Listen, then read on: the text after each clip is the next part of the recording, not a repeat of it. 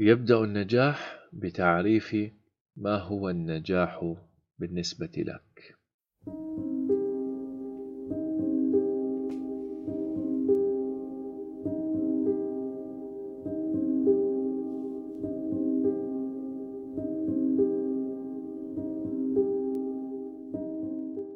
تكلمنا في الحلقة السابقة عن لماذا يجب أن ننجح والآن سنتكلم عن كيفية النجاح. النجاح لك ليس بنفس معنى النجاح لغيرك. فمثلا قد يكون النجاح لك وظيفة هادئة بدخل متوسط وعائلة سعيدة ولكن لغيرك قد يكون هذا النجاح فشلا وأن نجاحه يجب أن يكون أغنى رجل في العالم. طبعا من المغري أن نختار أن نكون أغنى رجل في العالم ولكن يجب أن نحذر من الجميل أن تكون طموحاتنا عالية ولكن قد يكون الطموح العالي الغير محسوب سببا في تعاستنا. خليني أضرب لك مثال لتتضح الصورة. كان هنالك مغني في فرقة مشهورة لكن هذا المغني طرد من هذه الفرقة الغنائية فحزن ودخل في حالة من الاكتئاب ولكنه قرر أن يصبح أفضل منهم وفعلا تدرب وانشهر. وصار الفنان الشهير ستيج وحقق مبيعات بالملايين لكن عندما سألوه في نهاية حياته هل عشت حياة سعيدة؟ الجواب المفاجئ كان لا لأنني لم أسبق الفرقة التي طردت منها هذه الفرقة كانت طبعا فرقة ميتاليكا يعني حتى مع الملايين والشهرة لم يكن سعيدا لأنه لم يحقق هدفه في قصة أخرى فنان آخر طرد هو الآخر من فرقة أخرى. الفرقة هاي أصبحت مشهورة جدا وأصبحت فرقة البيتلز المعروفة. دخل الفنان طبال على فكرة في فترة من الاكتئاب ولكنه بعدها بفترة تعرف على زوجته وكون أسرة صغيرة. وعندما سألوه هل أنت حزين لأنك طردت من هذه الفرقة؟ قال لا. لو أنني لم أطرد من الفرقة لم أكن لأتعرف على زوجتي.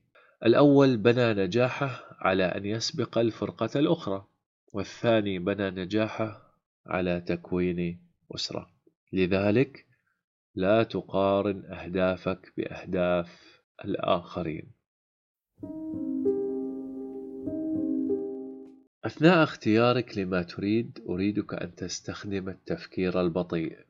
بمعنى لا تأخذ هذا القرار بسرعة بل فكر فيه ثم انتظر ثلاثة أيام وصل استخارة قبل أن تبدأ لأنك عندما تحسم أمرك خلص لا تراجع.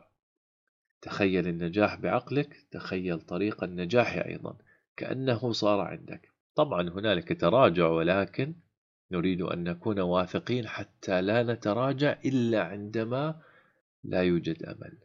ودائما بإذن الله هنالك أمل. إذا اختر أهدافك بعد تفكير عميق.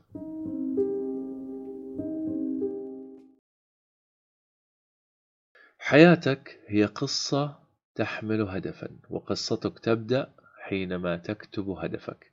إن هذه الحياة مليئة بالأشياء المغرية وعقولنا تنجذب بسهولة لهذه المغريات.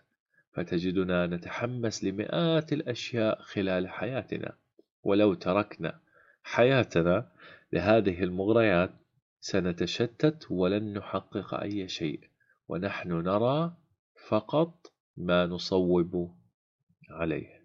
لذلك اكتب هدفك بوضوح ودقة. واجعل هدفك ذكيا سمارت كيف ذكي؟ أي محدد specific. يمكن قياسه measurable يمكن تحقيقه achievable ذو علاقة بك relevant يعني يخصك وليس شيئا تكره فعله مثلا. ويمكن تحقيقه بزمن محدد وليس مطلقا. Time bound smart. كل حرف من سمارت مختصرة لكلمة لكي لا تنسى. احفظها بهذه الطريقة. وبالإضافة إلى ذلك أريدك أن تكتب شكوكك ومخاوفك لأن عقولنا بالعادة تضخم هذه المخاوف. ولكن حين كتابتها تتضح هذه المخاوف التي بالعادة لا أساس لها وتعطينا هذه الحروف المكتوبة شعورا بالطمأنينة. إذا اكتب هدفك بوضوح.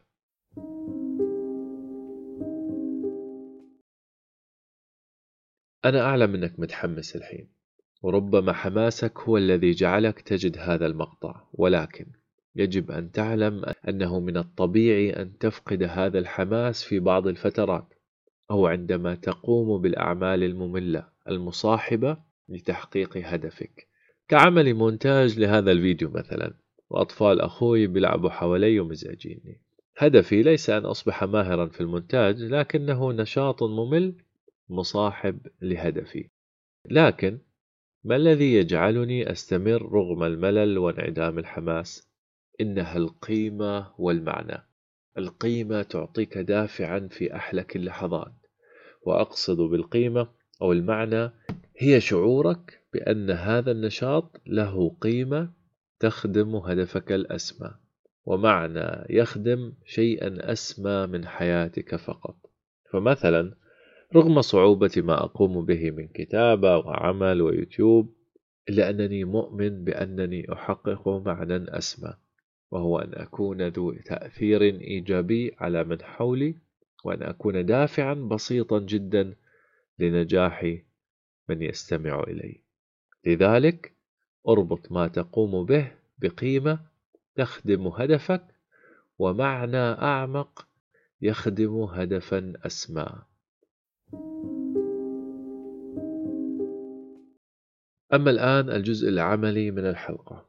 افتح الملف اللي بدأته في الفيديو السابق واكتب هدفك بشكل واضح واجعله هدفا ذكيا كما ذكرنا.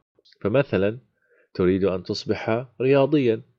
لا تقل ذلك فقط ولكن قل أريد أن أخسر خمس كيلوغرامات من الدهون وبناء ثلاث كيلوغرامات من العضلات في فترة سنة وعن طريق تدريب كمال الأجسام مثلا فأنت حققت كل جوانب الهدف الذكي. ثم بعد ذلك أريدك أن تكتب كل التفاصيل التي تعرفها عن الهدف. واكتب شكوكك ومخاوفك والسيناريوهات التي قد تحصل. وتذكر إذا ما طمحت إلى غاية ركبت المنى ونسيت الحذر ولم أتجنب وعور الشعاب ولا كبة اللهب المستعر. ومن لا يحب صعود الجبال يعيش أبد الدهر بين الحفر. وبس هذا هو المقطع باختصار. إذا حددنا الهدف. ماذا بعد ذلك؟ هو أن نؤمن ونرغب بتحقيقه وذلك في المقطع القادم.